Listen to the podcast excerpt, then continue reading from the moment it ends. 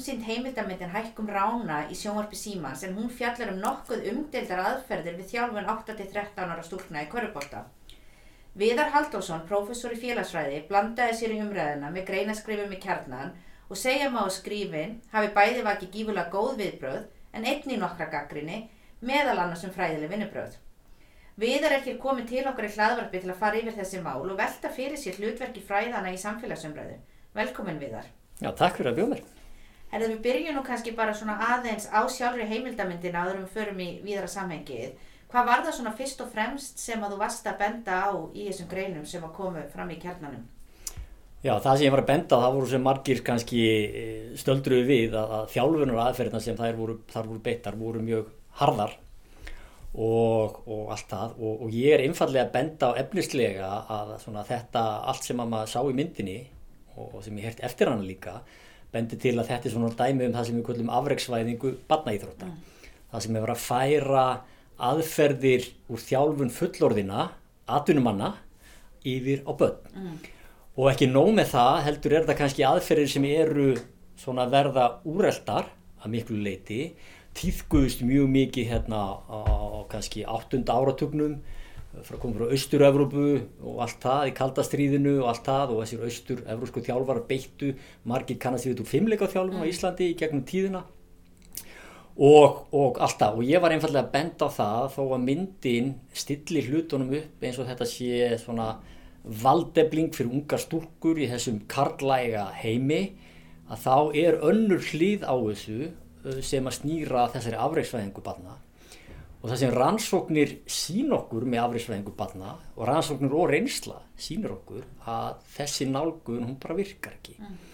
Bæði er hún ekki líklega til að skila af sér afreiksfólki sem er oft kvatin á bakvið þetta en svo hefur hún ímsar óaskiljar afleðingar sem snýrað bara ofþjálfun og meðslum og brottfalli og, og, og sálrænum kvillum og svo frammeins og frammeins og þetta sína allar rannsóknir okkur og, og þessna er ég að reyna að koma þessu sjónarhóttni fræðana inn í þessu umræðu fyrst og fremst um afriksvæðingu batna frekar en þetta mál eitthvað sem slíkt sko. Það var alltaf tilgangur með þessu sko. Þannig að sumu leiti þá myndur þú segja að annars vegar kannski er þessar aðferðir að einhver leiti úreltar jafnvel í fullorðins íróttróttu núna og ég held kannski að við svona öll fáum svolítið þessa ímynd, ég allavega strax hugsaði um einmitt ólimpíuleikana og fimmleikana og mm Mhm. uh, fimmleika fólk sérstaklega frá Östur Afríku, frá Östur uh, Evrópu. Evrópu segi ég. En síðan líka kannski þá hinpunkturinn að kannski eitthvað, að það sé eitthvað sem er á uh, kannski hættulegt eða vafasamt að einhverju leiti að færa aðferði sem eru notar á fullorði fólk sem hefur farið gegn sína félagsmótun og þroskast yfir á bara ung börn. Já, þannig að báðir þessi punktar sko, koma þarna við sögu sko, ba- þetta er meinum meina fjár út úr íþróttum fulloruna líka þetta þessi harðræða innræðis stjórnun þar sem hún notar skammir og allt það og ég sko ef þú lítur á, ég er nú mikið í nýrtarhengunum og færir í, í meistaraflókslið í, í bara fótbolta eða handbolta eða körbolta þessar aðferðir þekktustu árum áður en eru á algjöru undanhaldi sko, í meistaraflokkum Já. skilur sko fyrir Já. eitt sko hvað þá á börn sem að eru á viðkvæmari stað eh, eru að stíga kannski sín fyrstu skrefin í íþróttir eh, og allt það og eru svona, þú veist, við þurfum að vernda barnasku þeirra og þau eru kannski ekki eins svona uh, viðbúin við að taka á svona og, og viðkvæm fyrir svona og það eitt sem ég var að benda á þessu að í myndinni, þessari mynd sem umræðir þá sáum við sko eins og við segjum sögu sigurverðarna sko. Já. við sáum þær stelpur sem voru rosalega flottar og komu vel fyrir og voru svona berjast fyrir sínu en við sáum ekkert allar hinnar sem að heldust úr lestinni og voru kannski svona, þú veist, eh, höfðu svona eh, og, og, þetta gekk ekki upp hjá. Annarkvort sem að foreldrarnir voru ekki tilbúin að kaupa þetta prógram eða stelpurnar þeim var ítt út og ítt til hliðar, fengi ekki vera með og eh, svona bytnar þá þeirra sjálfsmynd að vera ekki nógu sterkar til að fara í gegnum þetta og, og, og hafa dottið út úr bara íþróttum skilur þannig að sko afreiksvæðingin hún skilur alltaf eftir sig fullt af við kvöldum að fornalömpum Já, og ég kom að með dæmi um, um rúmenskan fimmleikaþjálfara sem átti ekki nákvæmlega við þessu dæmi en ég var að sína að þetta eru svona afreiksvæðingin í hnótskuld, svona myndrænt. Að fyrir hvern meistara sem hún nærði gegn þá eru fullt af öðrum sem að sitja eftir með sálstenni og með sára á sálinni og allt það og það fjallar enginn um, um, um, um þetta fólk sko. Þú veist, það er ekkit á forsýðum bladana og það er ekkit að vera að fjalla um það. Og við sjáum þessar hörðu aðferðir eins og bara með frábæra íþróttamenn eins og Tiger Woods eða Andri Agassi og eitthvað svona sem var ná rosalega langt.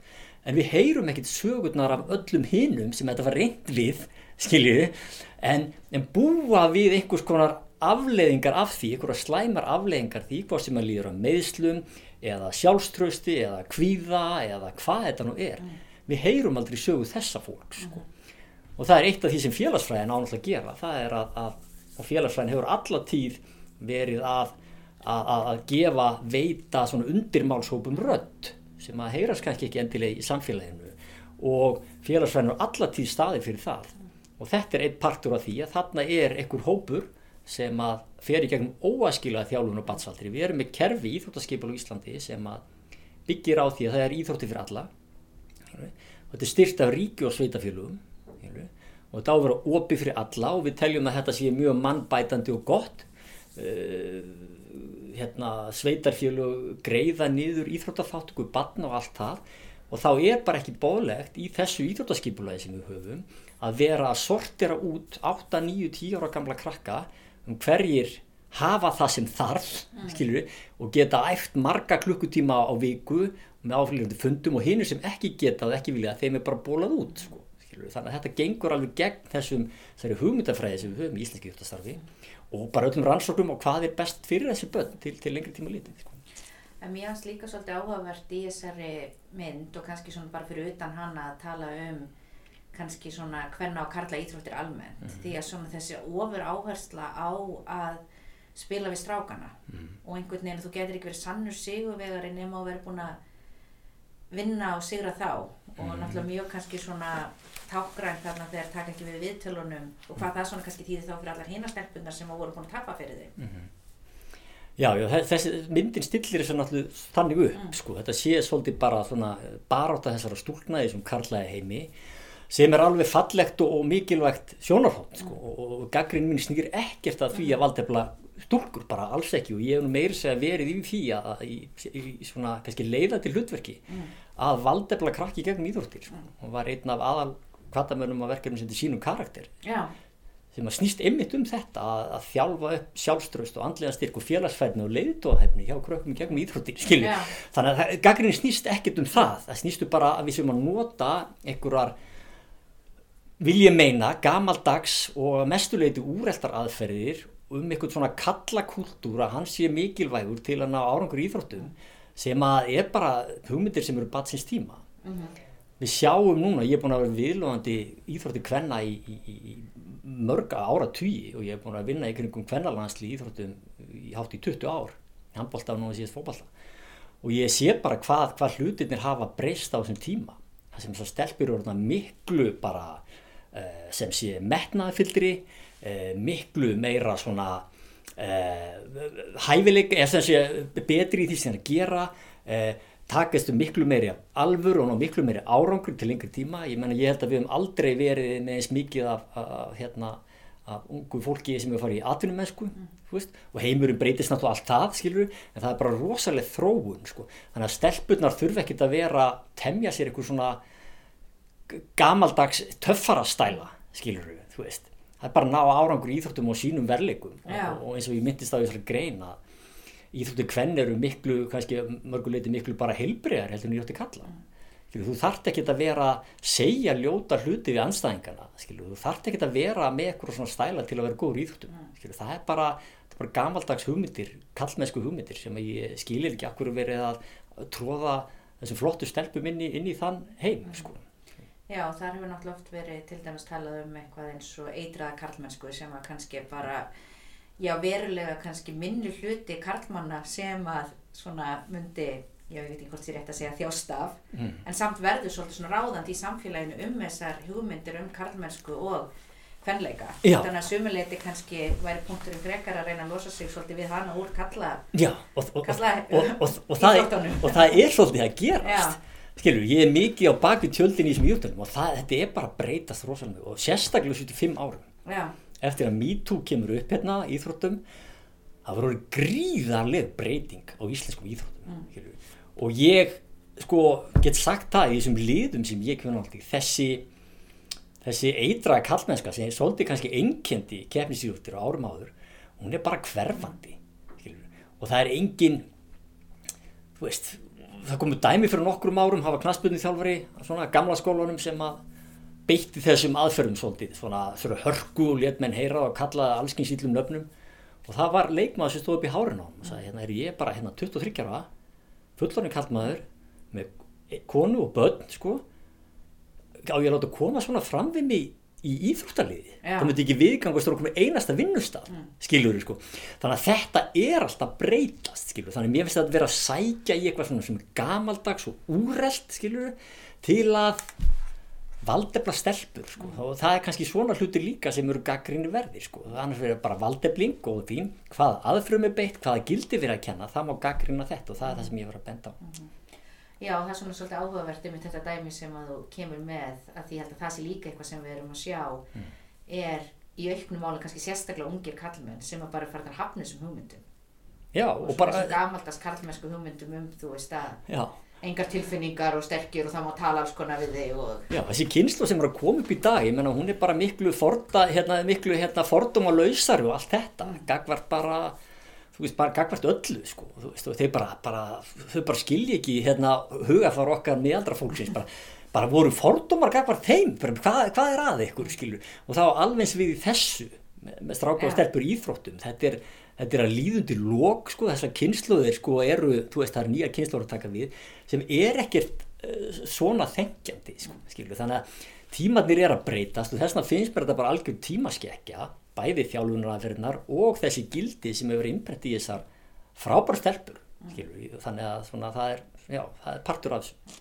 En þú einmitt myndist á að, að, að þú leiði miklu áherslu á valdeflingu og ég held að við séum öll eða flest sammálum að valdefling sé mjög góð postum það fyrir strákaða stelpur eða bara hvert sem er í rauninu og myndist einmitt á að vera í þessu verkefni sínum karakter. Mm -hmm. Þú kannski segja mér aðeins svona frá því og hugmyndafræðinni varandi það? Já, það var bara, þessar hugmyndir fór að staða svona í kringum 2010 þá hitti ég Valdimur Gunnarsson frá UMSK með þessa hugmynd basically sem ég fekk bara á fræðunum að við erum alltaf að við erum alltaf að þjálfa líkamlega þætti í íþróttum að sjálfsögðu, íþróttur eru líkamlega og það er jafnvel komin að námskrár í sumum íþróttafílum með greinum hvað átt að læra þegar þú ert áttara þá átt að fara í gegnum þessar æfingar til að læra þetta, þegar þú ert nýjara og svo frammeins og frammeins, komum bara námskrá hvað þú ert að læra þetta. En við höfum fræðin til að hjálpa okkur að það að við getum þjálfað aðra færni í gegnum íþróttir heldur en líkanlega þáttin og við sjáum þar að þjálfarin er alveg gríðarlega áhrifamikill. Það sem að krakkar hlusta, hlusta miklu mér á þjálfara sín í íþróttum heldur en kennara sín í skólanum og jafnvel foreldrar sína. Skilur ég á börn sem hafa verið í íþróttum og, og svona minn kom einhvern veginn heim og sagði pabbi þjálfara sagði þetta og þetta og þetta. Og var alveg uppveðraður. Og ég er búin að segja um þetta svona þúsund sinnum Já. sko. skilur en að því að þjálfarin sagði það þá hafði þetta miklu meira vægi. Þannig að þjálfara sem koma ungum börnum hafa alveg gríðaleg gríðaleg taka á þessum börnum og tækifæri sem við geta notað til góðs og íls skiluru þannig að þeir eru þar. Og þetta var svona verkefni sem snýst að því að við getum þjálfað alls konar félagssálfræðilega færni með markvísum hætti alveg svo við þjálfum bara stökkkraft. Já. ég get þjálfað styrst sjálfströst með markvísum aðferðum eins og ég þjálfa stökkkraft. Ég get þjálfað félagsfærni með markvísum aðferðum alveg og ég þjálfa að taka móti bolta skilur. ég get þjálfað upp leiðtóa upp á vissu marki alveg eins og ég get eh, hérna, þjálfað uh, hraða eða eitthvað skilur og það var verkefni snýrist um það að koma inn þessum hugmyndum í íþróttarhefinguna sem að mér fannst algjörlega skorta svolítið margir að þjálfar að gera þetta vel en það var kannski fáur að gera þetta markvist sem snýra þessu að, að vekja fólk og þjálfar og íþróttafélag til umhugsunar um það hvernig við getum gert þetta hvernig við getum gert þetta á heilbriðan og uppbyggilegan hátt í gegnum íþróttastarfið. Vegna þess að krakkarnir koma inn í íþróttirnar að fúsum og frjálsum vilja. Já, skilur, þau koma inn ekki eins og í skólan, þau þurfa að mæti í skólan og ég er ekkert alltaf íllum skólan en bara þetta er aðeins önnur nálgun þú kemur inn, þú ert móttækilegri fyrir því sem gerist í íþróttunum sem er áhugamálið þitt. Og þú ert með þjálfara, þú ert með fyrirmyndir. Þú ert móttækilegri þar fyrir alls konar svona þjálfun og eblingu og það var bara að við getum þjálfað þetta og styrt þetta með markvísum hætti. Og svo Hafrunu, fengum við Hafrunu Kristjánsdóttur uh, í Háskólum Reykjavík með okkur þar sem við byggum bara til grunn hugmyndafræði og leiðbynningar svona, sem fyrsta skref fyrir þjálfar okkur. Hvernig áttu að þjálfa sjálfströst hvernig áttu að hrósa? Hvernig áttu að skamma? Hvernig áttu að gera svona og svona? Þú verður að hafa ag og festu en hvernig þú gerir það það skiptur öllu máli. Og þetta bara höfum við allt úr rannsóknunum. Hvað segja rannsóknundur okkar að virki? Hvernig, hvernig endurgjöf þjálfara til yfkenda virkar skiljur og getur kannski ekki um við dæma því mér finnst þetta mjög spennandi og líka sjá einhvern veginn sem þetta raun gerast af því við náttúrulega tölum alltaf um að hvað félagsfræðin er mikilvæg og hvað hún svona geti hjálpa okkur við bara nánast allt sem við þurfum að leysa sem manneskjur. Mm -hmm. en mér finnst þetta svolítið áhugavert að sjá svona þetta þarna fara bara rannsóknir og beint inn í að hanna eitthvað ákveð prógram. Þannig að hvað til dæmis myndir rannsóknir okkar segja um að til dæmis að uh, efla félagsfærni eða sjálfströst eða búa til liðtóa Já, rannsóknir sína í fyrsta lagi, það er kannski, kannski krakkendur mismóttækilegir eftir aldri, Já, skilur og það er svona og, og það er, e, þú veist en það eru ákveðna aðferði, bara hvernig þú annars verið umgjörðinni bara hvernig kúltúr er þetta að skapa. Og ég hef mikið talað um þetta og rannsóknir sína það að það skiptir kannski minna máli hvað þjálfari segir og meira máli hvað hann gerir. Mm. skilur við pikkum upp svona hluti í atfelli einstaklinga bara með líkamstjáningu og alls konar slíkir hlutir sem að svona við íjum að líka sko, ekki bara það sem við segjum. Og þetta segir rannsóknar okkur þannig að það skiptir máli hvernig þú berðig skilur við og hvernig þú aktar og hvernig þú hvernig fyrirmyndir við erum og hvernig við hefum okkur í mótlæti skilur hvað gerist þegar að einhver skorar ekki eða eitthvað slíkt. Uh, þú veist við erum að leggja áherslu á verkefni frekar en árangursvíkar tilraunir skilur þú veist. Já. þú veist, við höfum að leggja áherslu á krakkarnir að fá að gera mistök við beita réttum aðferðum en ekki skammaðum en ekki bara hrósa þau ef við gengum vel með vittlusum aðferðum. Sko alls konar svona hlutir. Við getum þjálfað upp leiðtóa skilur fullt af hugmyndum um það. Skipta fyrirlega hlutverki í liði 13 ára liði á milli einstaklinga? Mm. leiðtóa vikur, fyrirlega vikur þú ert fyrirlega þessa viku. Já, og þá þarf að ræða það í hverju fer starf fyrirlega mm. og þá segir ykkur bara í, við, yrkendur, já ég þarf að mæta réttum tíma og ég þarf að vera hvetjandi og ég þarf að gera þetta og þetta Já. eitthvað. Og þá hegðar eru þannig þessa viku. Það er ekkert allir sem verða fyrirliðar eða frábæri leiðtóar, við erum misjöfn en allir læra þá þessi grunn gildi okkur er mikilvægt að mæta á réttum tíma okkur er mikilvægt að vera jákvæður, okkur er mikilvægt að hvetja? Mm. þannig að við getum kent svona hluti í gegnum starfið sem ebla alla yfkendur og þetta er gert á jákvæðan og uppbyggilegan hátt fyrir alla skilur, en ekki eitthvað niðurbrot sem að engungu uh, örfáir eru nógu andlega sterkir eða meira þroskaðar en aðrir já, til að höndla en hinn gera það ekki það verður að ebla alla og búa til kultúr og menningu í Íþróttunum sem ítir öllum upp frekar en tógar örfá upp og ítir öllum hinnum niður og þetta náttúrulega Íþróttastarf í Íslandi byggjar á Íþróttum fyrir alla. Ríki og sveitafélug standa þessu starfi og Íþróttafélagin eru bara ábyrg fyrir því að veita öllum þessa, þessa upplýftingu í starfinu en ekki bara einhverjum sem að teljast vera rosalega sterkir andlega eða mikla hæfileika á unga aldri eða eru bara þroskar en aðrir og geta höndlaði betur. Þá er komið mikla mismunun í þetta starf sem áfyrir alla. En þá líka og uh, ég myndi nú seint fara að segja ég var eitthvað alveg hrifin af því að búa eitthvað til liðtóa og bara gera allt til að einhver komist á toppin og hinn er sjö bara skildir eftir. En í rauninni samt mundir þú alveg segja það að þessi leið til að búa til liðtóa sem að kannski er þessi meiri svona jafnari leið og svona vinna með styrkleika fólks og sumir kannski þá fara á toppin að hún í rauninni er alveg jafn árangusrík til að búa til liðtóa og afreiksýþrótta fólk og hinleiðin. Alveg klárlega, alveg klárlega og bara þú veist og það er ekkert þetta, þú blandar þessu saman þá ertu bæði að hjálpa krökkunum að eblast bara fyrir lífi sjálft en líka íþróttunum. Mm. Þú þarft að vera með sterk bein í íþróttunum og þú þarft alls konar hluti og þú getur nýtt þetta hvort veginn sem er. Og þetta kerfi, kannski ágætt að koma því núna, þetta kerfi sem erum með á Íslandi, þetta skipulega íþrótta, það er eiginlega nánast einstakt. Mm. og það sem ég hef átt að með á betur og betur undanförnum árum vegna þess að eftir að fótballtalansli kalla fór hann á árangri hérna þessi, mark, þessi, mark, þessi rosalega árangri hérna á 2015-16 þá voru það gæst að það er bara stanslu ströymur frá útlundum til Íslands. Stanslu ströymur af bladamönnum, fréttamönnum heimildagerðamönnum uh, þjálfurum fræðimönnum. Bara stanslu ströymur ég veit ekki hvað ég er búin að taka á móti mörgum hérna. Sko, bara, ég get ekki talið á sem hafa komið inn til Íslands erlendum íþróttaliðum eh, Köln, úrvæðstæðileg Köln í Þískalandi sendi alla unlingaþjálfarna sína hérna til að skoða ég tók að hérna fyrirlestur og fór að skoða allt. Bara stanslu ströymur bara hvað er að gerast á Íslandi? Já, af hverju er þetta fólk að koma? Jú, vegna þess að það er eitthvað merkilegt að gerast þetta við erum að gera eitthvað rétt skilurðu. og það sem að er einkennir Ísland svolítið frá öðrum löndum að við erum með þetta skipulag íþrótti fyrir alla í einhverjum hverfafélugum ég kalli þetta samfélagsfélug víðast hvar ellendis fyrir unga krakka þá eru tvær leiðir í íþróttum annars vegar ferðu bara í hverfið þitt og spilar fótballstæði hvað sem er með vinu þínum og einhverju hverfinu.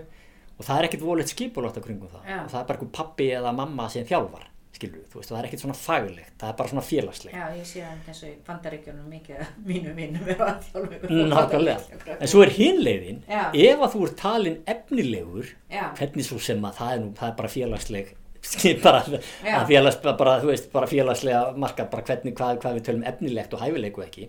Ef ert talin það, þá ertu tekin inn í svona afreiksíðústa lið sem er bara svona fyrirtæki. Já, bara eins og bara, þú veist, bara uh, Liverpool eða eitthvað, þá ertu tekið þannig að það eru tvær leiðir. Annarkvort ertu bara með félugunum og það er bara eitthvað fóreldri sem þjálfar. Ef þú tekin inn í eitthvað svona verksmiðju sem hafa að gera því að eitthvað snilling Já. skilurðu. á Íslandi gerum við þetta algjörlega öfugt við erum með eitt kerfi fyrir alla. Þannig við saminum bæði þessa þessa uh, félagslega hluta íþróttana og keppnis íþróttana við saminum þetta í eitt kerfi sem er bara mjög, mjög, mjög sérstakt og við áttum okkur ekki endilega alltaf á því. Og það sem að gerir þetta kerfi svona sérstakt, það er að við erum að ná stórkostum árangri. Bæður við að ná miklum árangri sem uppeldisluta við sjáum það bara í öllum rannsóknum og ungu fólki sem stundar íþróttir. Og nú er ég ekki að segja íþróttir sem fullkomnar sko, bara langt í frá og það Já. er víða pottubrótin og margt að skilur. en almennt séð þá erum við með mjög og uppbyggilegt starf það sem að krakkarnir ebla, strekka síður áfengi, reykja síður og allt þetta samanbúrið við löndi kringum okkur í gegnum íþróttastarf og það hefur vakið aðtigli og það hefur vakið aðtigli að fólk er að koma hérna og skoða það, hefur mikið áhuga því og allt það. Hinlegin við erum líka árangri í þessum afreiksluta sem að snýra því að ná árangri á, á efsta stígi og ég gerði nú bókum þetta Sport in Iceland á Small Nations Achieve International Success þar sem ég tók hennar árangur og setti hann pínu í þetta samhengi. Já, og stór hluti af þessum árangri okkur er fótballalandslið okkar að ná árangur komast á EM og HM stór hluti af því er að við erum þetta kerfi. Við erum íþjótti fyrir alla sem er jákvætt og heilbrygt og allt það og erum að hlúa að breyttinni í staðin fyrir að taka einstaka einstaklinga bara í gegnum eitthvað, eitthvað færiband og það sem er svo merkilegt í þessu og ég er gestakennari við alþjóðlegt mestranám í, í, í, í íþróttastjórnun og við flutt fyrirlestur um þetta víða um heim. Ég var núna með síðast bara í síðustu viku með, með stóran fyrirlestur í Rúslandi já, og það ger öllum þetta merkilegt bara þetta kerf okkar vegna þess að, að það er öðruvísi en annar staðar. Og það sem er að gerast aðrar þjóðir eru farnir að pikka upp hlutina sem við erum að gera mm.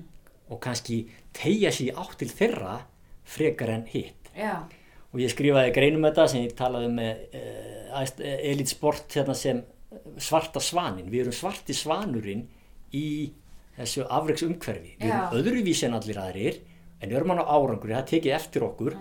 Þess að fara aðra þjóði svolítið að taka mið af því sem við erum að gera. Og eitt frábært dæmi um það er Þískaland Þískaland er náttúrulega bara svona 80 miljón manna þjóð, stór þjóð gríðarlega íþróttasögu. Alltaf bara bæður Austur-Evrópu og svo Vestur Þískaland og blandast gríðarlega íþróttasaga, gríðalur árangur uh, og þeir byrjuðu og lögðu mikla áherslu á þessar íþrótta akademíur uh, já, í, svona í kringum aldamótin. Það sem að knaspinu landslíðin þeirra var ekki að gera vel lögðu gríðarlega fjármunni þetta. Taka krakka unga inn í akademíur eins og ég var að segja í ykkur svona fyrirtæki og búa til ykkur afreis og það má segja að það við tekist vegna þess að árið 2014 eruðu heimsmyndstarar en eftir það hefur leið Þíska landslýsins leið algjörlega niður á við og fyrir tveimur árum síðan sem segi eftir að Ísland kemur hann upp sem þetta, þessi svarti svanur þá gerist það að Þíska knaspinunsambandi tekur kúvendingu já, og segir bara, heyrðu, við erum að kolrangur leið. Þetta er ekki leiðin sem við erum að gera. Við þurfum að draga úr alvöru við þurfum að draga úr sérhæfingu batna og við þurfum að draga úr þessum áherstum við þurfum að gera íþrótti batna aftur að meiri leik já, og meira, meiri skemmtun og meira frjálsræði og frelsu og allt þetta og er að fara í áttina til sem við erum að gera. Og nú síðast, núna síðast árið það var bæinn Munhen bæinn Munich, eitt, flottasta eða faglegasta fótballtalið í heimi. Það var að segja við erum hægt með allt starf undir ára skilum, við vorum með hérna ykkur yngri lið. Já, við erum hægt með það vegna þess að krakkarnir eiga bara að leika sér í fótbolta eða íþróttum almennt séð í sínu hverfi og allt það með sínum vinum. Við eigum ekki að taka badnæskuna að þessum og setja eitthvað svona hardgert umhverfi mm þannig að þetta sjáum við erum með módel sem að stend hefur akkurat staði fyrir þetta og þjóðir heimsins eru farnar að pikka upp og taka mið af okkur og færa skipulagi sitt meira í átti það sem við erum að gera. Og þess vegna stingur svo í stúf þessar aðferð sem kom fram í þessari köruboltamynd sem að fara akkurat í hínalegin að taka upp einhverjar aðferðir sem voru vinsælar hjá þessu þjóðum fyrir 20-30 árum skilur við og þar sem þetta er ennþá þetta er að hverfa út sko. þannig að þetta er svo mikið tímaskekkja að við séum þar þegar allir er að líta til okkar. Þannig að grasið er oft grætna hinum megin finnst okkur en við áttum okkur ekki endilega á styrkleika þessi kerfis okkar sem er, sem er, sem er gríðalegt gríðaleg styrklegi en mér finnst þá áhugavert að líka velta fyrir okkur uh, af hverju gerir þetta, gerist þetta á Íslandi? Veist, af hverju þróast þetta svona allt öðru sem hér en allstaðar Mhm. annar staðar og kannski fyrsta sem að mann myndi dætt í hugur bara einfallega smæðin að við bara gátum ekki verið með þessar akademíur. Já, og líka kannski og mér finnst þetta hugtak um svarta svanin uh, áhugavert Mm. en líka þú veist hvað var það sem að var öðruvísi var að vekja aðtikli Mhm. var það bara við erum svo fá og býta allt í nörg við bara farin að keppa við englendinga á einhverjum? Eða var það eitthvað öðruvísi við hvernig við vorum að spila leikin hvort sem að var í handbólta eða korfbólta Já, og ég, ég hef haldið því fram sko, bæði það, bara, það fyrst og það sem ég verið að segja, sko, ekki bara í, í fótbolta kalla heldur bara í fótbolta kvenna og handbolta kvenna það og, var miklu betri fótbólta hvenna lengur Já, já, nákvæmlega, nákvæmlega, það vekur bara ekki sama aðtikli alþjóðlega, skilur og körubólta og hópfimleikum og allt það, við erum að ná árangri, ég kalla síðasta áratug svona gullöld íslenski íþrótta, Þannig að þá erum við að ná árangri öllum okkar vinsælustu hópíþróttum á sama tíma. Hugsaði, sko, við getum árangri í handbolta ef að snýrist allt á Íslandi um handbolta. Skilurðu. Og þá komu hérna einhverjir, einhverjir, eitthvað fólk hérna fyrir einhverjum 10-15 árum og var að skoða handboltamenningun í Íslandi. Og þeir held að snýrist allt um handbolta á Íslandi, því að Ísland var sem ekki handbolta þjóð. já, Og þeir heldur í grunnskólum verið bara kent bara íslenska, starffræði og handbolti. Skilur, þeir heldur það. Og að handboltasambandi væri bara hérna fimm hæða bygging eitthvað sko. Svo komu þeir í, í skrifstofu HSI sem var tíu fermetra herbyggi með tveimur starfsmunum með einum og hálfum með eitthvað og þeir bara skildi ekkert í þessu. Þú veist, það væri alveg hægt að skilgreina að ok, við getum nú árangur í handbolta ef við leggjum öll ekkin í þá körfu að vera góð í handbolta. já, En við erum ekkert að því sko. og við erum að ná árangur í öllum þessum íþjóttum á sama tíma og það sem aðgreinir okkur og sem er kosturinn starf og þetta er svona svarta svanskenningin mín svolítið er að við erum, höfum orðið svona meira professional á síðustu árum við höfum orðið fagmannlegri í varði þjálfun, í, í næringu og endurheimt og allt þetta sem við höfum lært bara í gegnum internetið og meiri þekkingu og fræðslu og allt það. Þannig við höfum orðið meira professional en ekki of professional mm. og ég segi við erum með okkur svona sweet spot eða svona, við erum mitt á milli áhuga mennsku og atvinnumennsku og fáum það best úr báðum heimum. Þannig að það sem við höfum haft sem að þjóðuna sem við höfum verið að mæta hafa ekki að við höfum ennþá að leikmenn eru vinir. Við höfum ennþá stemninguna við höfum ennþá leikliðin þetta er ennþá leikur, þetta er ennþá gaman þetta er ennþá fjör sem hefur tapast úr þessum atvinnumannaliðum. Það sem er bara vinna gríðaleg einstaklishyggja hiluru markasvæðing íþrótta hefur ítt þessum íþróttamönnum í það að hugsa bara um sjálfa sig. Þetta snýst um að ég verða að fá mínútur, ég verða að skora mörg ég verða að fá auglýsingarsamninga en við erum ennþá pínu saklaus með þetta að þetta er ennþá gaman og fjör og þessir leikmenn í svona landsliðum eru að spila ykkur um liðum út í heimi og svo segja bara ég get ekki beðt að fara í landslið og hitta skilur. og þeir eru í sokkahambolta á göngunum á hótelinu og allt þetta, bara stemning þetta er bara vinskapur og stemning skilur. Já, ég man varst einhvern tíðan að tala um að greina þetta sérstaklega í leikjunum sko hvað voru ofta að vera með svona high five og hvað voru mikið að fagna og meðal annars að taka dæmi um já, fræga fótballtamenn sem voru ekki kannski að fagna af því Já, að þeir já. skoruð ekki. Já, en svo kannski þú veist þeir sem að voru á bekkjunum á Íslandi og sem hefðu kannski átt að vera að spila meira voru algjörlega frjálæðir þegar vel gekk. Að við höldum ennþá í þessa heldarhyggju að við erum að spila fyrir Ísland og við erum vinur og við erum saman og þeir erum að spila á móti einhverjum liðum sem eru bara intómir egoistar einhversum sjálfan sig þá náum við okkur fórskoti vegna þess að ef við höfum þetta þá náum við liðum sem verða meira en suma einingarna sem myndaðu og ég hef mælt eftir leikjum íslensku liðana góðum leikjum, það sem eru á stórkostum úslitum, það er bara miklu meiri stemning, það er bara miklu meiri liðselt í þessum liðum. Og þetta kemur einhver leiti út frá þessu kerfi og skipulegi okkar. Vegna að við erum vön því að það eru bara allir saman. Og þó sett efnilegur 14 ára á Íslandi þú ert ekki borin áfram að okkur gullstól. Þú þarf samt að fara að sópa snjó af vellinum. Þú þarf samt að fara í fjárumlundun og safna fyrir ferðinni skilu, og þú ert að æfa með einhverjum sem að er bara út af félagskapnum og þetta heldur svolítið yfgöndurum okkar svolítið bara svona aðeins á bara tánum skilur og það sé ekki fara fram úr sjálfum sér og bara svona innrætir svolítið góð gildi í þá í stæðan fyrir að vera einhverju elítu umhverfi það sem að það er látið rosalega mikið meðvik Já. sem ítur undir hróka, ítur undir einstaklingshyggju og allt þetta. Þannig að skipulagi okkar, það vinnur rosalega með okkur hvað þetta varðar. Og ástæðan að að segja með skipulagið, það er náttúrulega stærðin, Já. Smæð þjóðarinnar, vegna þess að eitt af því sem að stendur í vegi fyrir það að íslenskar íþróttir verði atvinnumann íþróttir og afreiksvæðist og verði bara fyrirtæki, það er bara smæðin. Við höfum ekki markað fyrir atvinnumann íþróttir. Við höfum ekki nógu mikið af fólki sem mætir á leiki eða kaupir búninga og trefla og allt þetta. Við höfum ekki þetta fólk sem Já. gerir það að verkum að við getum það ekki. Hinn ástæðan er náttúrulega bara kúltúrin. Íþróttir eru og skipulegt íþróttastarf er runnið undan rifjum sjálfstæðisbartunar og UMFI er stopnað til dæmis og svo ISI og íþróttafélög sem partur á sjálfstæðisbart íslendinga. Þannig að þetta er kúltúrin líka það er þessi kúltúra að þetta er eitthvað sameigilegt og þetta hefur eitthvað svona aðri tilgang skiluru og þetta er rosalegt sameiningarták fyrir þjóðina rosalegt þjóðastólt í kringum þetta og allt það.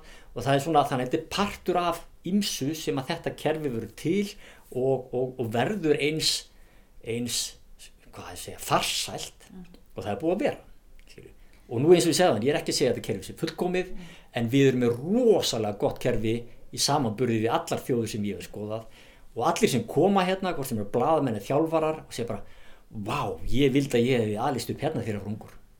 Skilur, Já. það er algjört viðkvæði frá öllum sem koma að hengað og skoða þetta kerfi, vá, ég vildi að börnin mér var að aðlast upp í þessu íþróttakerfi. skilur, og svona kannski líka fara þá eins í stærra að því þú talar um þessa já svona vináttu og samheldni og við erum allir þessu saman. Því mér finnst líka og kannski er það bara því að þú veist ég sé mitt eigi land og vera Íslandingur en líka svona svolítið þetta samband við þjóðina. Mhm, og hvernig þú ert einhvern veginn að spila fyrir þjóðina og við sjáum náttúrulega bæði og ég meni ég kynist því til dæmis því ég bandaríkjana, bandaríkjana að þú gæst í rauninu haldið upp á hvaða íþrótt sem var og það voru alltaf einhverju bandaríkjana að standa sig vel til þess olimpíuleik já, já, og nákvæmlega. það var mjög ólíkt því þú veist þegar eitt ári vissi ég allt um hana, uh, stangast á hvenna já, og síðan kannski vissur er átt allt um handbólta og svo um einhvern veginn þegar vel gengur þá erum einhvern veginn öll í því. Já, og ég held líka kannski að sumuleiti þegar illa gengur Mm. þá er þetta allavega vilju þetta síðan þá strákanir og stelpunar okkar. Já. meðan við sjáum í öðrum löndum kannski bara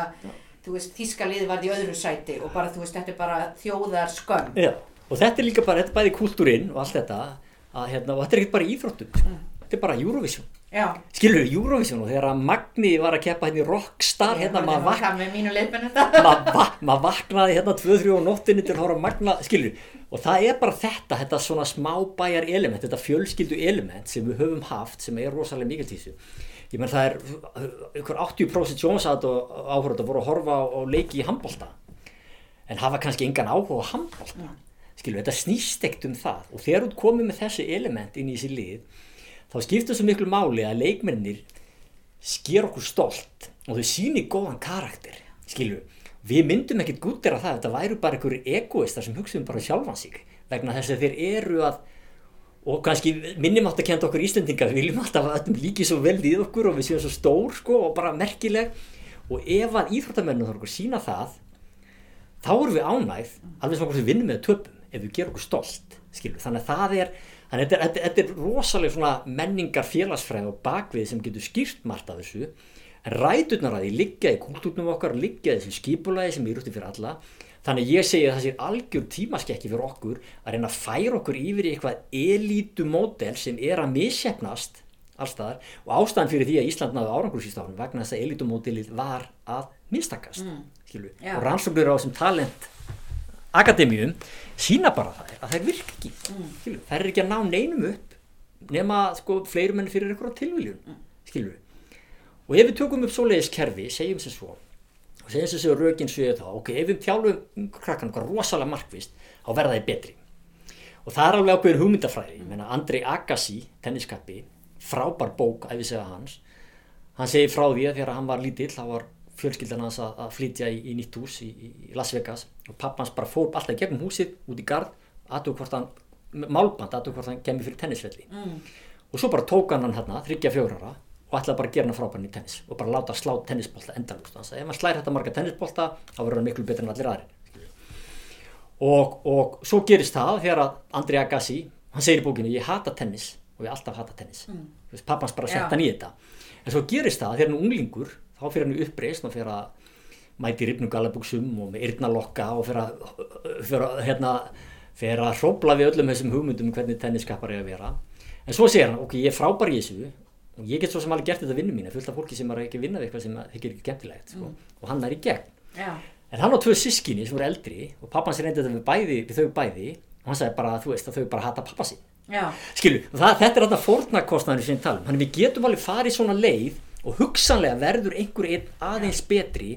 Ef við myndum gera þetta á Íslandi þá myndum við kannski fá tvo gilva sigur sinni í kallalandslíf fótballta en við myndum ekki vera með Hannes við myndum ekki vera með Birkjum á Sæfarsson við myndum ekki vera með Jóndað við myndum ekki vera með þennan. Já. það er ákveðin fórnarkostnaður að vera með svona kerfi og við sem smá þjóð með þessi gildi með íþróttir eða vera uppbyggilegar ríki og sveitafélag standa að íþróttastarfinu og fjármagnaða mestu leiti þetta er bara, þetta er svo fjarlagt okkur að taka upp eitthvað svona gamaldagskerfi sem bara virkar skilur.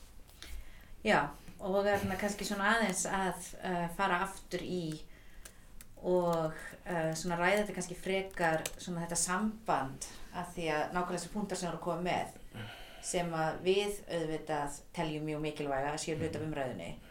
En kannski svona af hverju taldir það mikilvægt að blanda þér kannski í þessa umræðu en kannski líka bara svona meira almennara? Hvert er okkar mm. hlutverk sem fræðafólk, sem félagsfræðingar kannski sérstaklega að taka þátt í uh, umræðinu og, og svona hvernig Já. er best að gera það. Já, ég líti á það að það sé bara samfélagslega skild okkar. Við erum uh, ríkistarsmenn skattborgar er að borga okkur laun fyrir að sinna fræðum og skapa þekkingu og, og, og deila þekkingu. Og háskólafólk er stundum gaggrind fyrir það að við erum engungu að tala við annað háskólafólk. Og við þekkjum þetta bæði, við erum að skrifa ykkur greinar í fræðileg tímarit Já, sem eru á ykkur háskólum bara fyrst og fremst fyrir að, annað háskólafólk ég meina hinn almenni borgari sko, hann þekkir ekkit hugtök endilega skilur ekkit endilega hugtök eins og anomi eða siðrof og, hérna, habitus eitthvað slík sem við notum í okkar fræðum. Já, þannig að það er ákveðin skilda á okkur að eiga ykkur samfélagslegir umræðum alveg eins og þetta hlaðvarp sem við og þú sérstaklega er búin að standa hérna fyrir að eiga eitthvað samtal við samfélagið á mannamáli. Já, Í rannsóknarskýslu Alþingis 2009, eða eftir hrunið 2008, þá er sérstaklega háskóla samfélagið, sérstaklega gaggrínt fyrir að hafa ekki veitt, tekið þátt í þessari umræðu og hafa ekki veitt aðhald og verið gaggrínið á stöðu mála. Og það sérstaklega tekið fram, mm. skilur við, að háskólakennarar hafi ekki verið að taka þátt í þessari samfélagslu umræðu og háskóla samfélagið hefur brugðist. skilurðu. Þannig að það er beint, hreint og beint skilda okkar að taka þátt í samfélagslu umræðu og sérstaklega okkar sérsviðum og sérstaklega kannski þegar okkur finnst pottur vera brotin og þess vegna hef ég reynd að gera það svona af og til. Núna með þetta mál, ég hef aðeins blandað mér í umræðu um, um tölvuleiki og íþróttir og MMA og fleira þar sem ég hef verið að tjá mig í fjölmjölum með eitthvað sem að er á mínu sérsfiði eh, til að skapa umræði samfélaginu það sem við erum að nota og beita og koma hugmyndum fræðana og nýðustöðum rannsókna og ábyrtingum rannsókna inn í almenna umræðu skilur. og það finnst mér bara að vera okkar hlutverk og ef við gerum það ekki þá finnst mér svolítið vera að bara bregðast okkar hlutverki sem, sem starfsmenn ríkisins sem eiga að vera sér, sérhæfa sig á ákveðnum sviðum og skapa þekkingu og deila þekkingu sko. Já, svona kannski tengt því því að svona eitt punktur sem kom nú fram í gaggrinni á skrifðín var að þú hefði ekki gett rannsókn á nákvæmlega þessu máli. Mm -hmm. og þar að leiðandi kannski vissir ekkert hvað að vera að tala um. Mm -hmm. og ég held að þetta sé kannski líka eitthvað sem við sem fræðafólk getum oft verið hrætt við því að þú veist hvernig fer ég frá, ég meina þú hefur skrifað bók um Mhm. árangur Íslands. Mhm. hvernig kemur þú veist þeirri bók yfir í kannski stuttagrein í kjarnanum? Eða grein sem ég skrif um heilbreyðiskerfið og kem því eitthvað stuð. Þú náttúrulega getur ekki verið með ja, mikið og oft náttúrulega kannski getur haft líka þekkingu á hlutunum almennt án þess kannski hafa rannsaka nákvæmlega eitthvað ákveðið mál. Já, þannig ég, hvernig svona einhvern veginn sko, er þetta réttmætt að í rauninni gaggrina fyrir að hafa ekki nægilega beina rannsóknir og hvað er það svona sem að já, við kannski getum notað og tækin sem við getum notað til að vísi til að svona taka þátt í almennt upplýstri samfélagsumræðu án þess kannski að vera að tala nákvæmlega um að ég gerði þessa rannsókn. Fyrir það fyrsta, ef að fræða fólk á ekki geta tekið þátt í samfélagslegri umræðu ef maður gera beina rannsókn á því þá myndum við aldrei tjá okkur um neitt. Mm. skilur, vegna þess að eins og þú veist það tekur bara langan tíma að gera rannsókn. Og ef ég myndi gera rannsókn það myndi taka eitt og halvt ár já, bara fara í þetta, fara í gegnum skrifa þetta upp, rit rínina og allt þetta sem getur ekki langan tíma skilur, þá myndum við ekki tala um negin mál sem væru til umfyllunar í samfélaginu fyrir bara löngu setna þreymur ára setna herðu, nú var ég að sjá þetta. Skilur, það er bara meikar engan sens Já. sko. en það sem við gerum í fræðisamfélaginu við notum þá þekkingu og það er sérfræði þekkingu sem við öðlumst í okkar starfi sem við vinnum við hérna hverjum degi frá, ég ætla ekki að segja 9 til 5 að maður vinnur langt fram á kvöldi þessu skiluru sex til miðnættis þannig við notum þessa þekkingu, þessar kenningar, þessar rannsóknir sem búið að gera út um allan heim, aftur og aftur og aftur og við beitum þeim að ákveðin viðfangsefni sem eru til umræðu hverju sinni. Við erum ekki að taka ykkur að hendistefnu eitthvað að taka eitthvað á loftinu, við erum að taka það sem rannsóknar samfélagi segir. Og þess vegna er ég að taka þessu umræðu og vill ekki endi, vill ekki sko, hún á ekki að vera persónuleg eða byggða okkur tilfinningum, hún á að vera efnisleg og byggja á bestu þekkingu sem við höfum vegna þess að rannsóknir eru, þú veist, þær eiga að vera sem sé hlutlausar skilur, og þær fari í gegnum þetta rítirinn ferli og allt það. Og ég er að taka þessa þekkingu, þessi sjónrót og beita á ákveði viðfangsefni sem er á mínu sér sviði Uh, og ef ég fyrst að gera rannsókn á þessu þá myndi ekkert koma út úr þessum sent og sent og þá gætu fræðimenn ekki tekið þátt í almenn umræðu. Þá voru kannski fræðimenn kannski eina fólki sem gæti ekki tekið þátt í, í, í almenn umræðu skilur við, Já. vegna þess að það verður kröfunar okkur en engan annan Já. umræðinni skilur við, þannig að ég bara ég skil ekki alveg hennar málflutning ef að sé alveg svo er og hérna, og, og hérna en þetta er það sem að ég verið að reyna að gera að koma með og við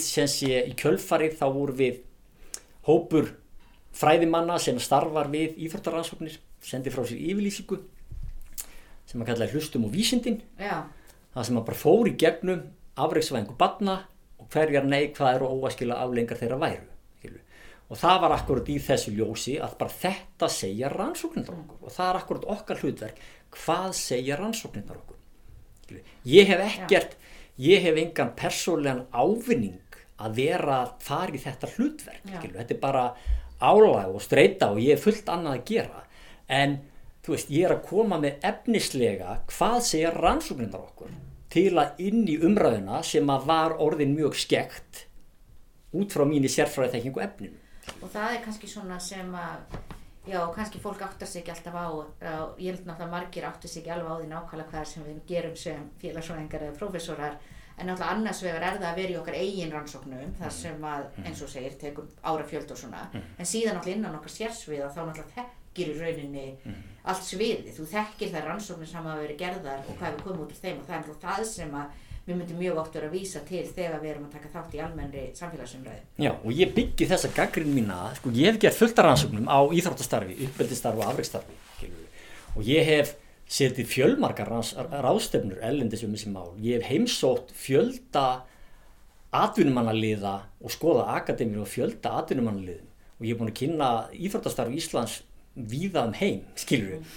Þannig að maður notar alla þessa þekkingu til að í umræðina sko, skilur. og þetta er allt byggt á eins og við segjum þessum kenningum og þessum rannsóknum sem að sapna saman á sviðinu og ég er ekki að taka bara einhverju eina rannsókn því einhver ein rannsókn. Vegna þess að við verðum að segja hvað segja rannsóknir almennt um málumnið og þá erum við komið með rannsóknir sem gefa okkur kannski meira meiri áranleika og meira réttmæti hefa margar rannsóknir segja það sama. Og það eru bara uh, alveg bara kristalstært að afreiksvæðing barna er óæskileg fyrir svo margar sakir og margar neikvæðar afleggingar og skilar ekki fleiri afreiksmönnum heldur. Já, og svo kannski bara svona í lokin og mér finnst þetta náttúrulega sérlega áhugavert og ég veit að þú getur ekki verið spámaður en mér finnst þetta mjög áhugaverð umræða þessi um í náttúrulega afreiksvæðinguna og svo kannski hvernig aðrar þjóðir eru farinir að sjá að það er eitthvað svona, það er einhverju töfrar hér Mm. og vilja fara að kannski gera það sama. En þýðir þetta, hvað þýðir þetta þá fyrir okkur hér? Og ég veit að þú getur ekki spáð um það en þú veist, hvað þýðir það ef allir fara að verða eins og við og þjóðverjarnir og spánverjarnir og allir fara, fara í þetta mótel eigum þá bara aldrei eftir að eiga afreiksfólk í íþróttum aftur eða allavega hóp íþróttum því að það er náttúrulega líka það sem er svo sérstakt að Já. ná þessu upp í hópi í svona litlu samfélagi Já, það verður sko, já, ef allir alltaf taka okkar helstu styrkleika þá verður auðvitað erfiðara fyrir okkur en íþróttasamfélagi verður heilbriðara Mm. og þá getum við kannski sagt að við gerðum gott, segjum sem svo að það takit allir upp, við, fyrir öll þessi miljón, miljónir barna sem er að stunda íþróttastarf sem fá þá heilbriðar og betri nálgun við. En hitt er það að þú yfirfærir aldrei íþróttamótil frá einu landi yfir í annað, það er ekki hægt.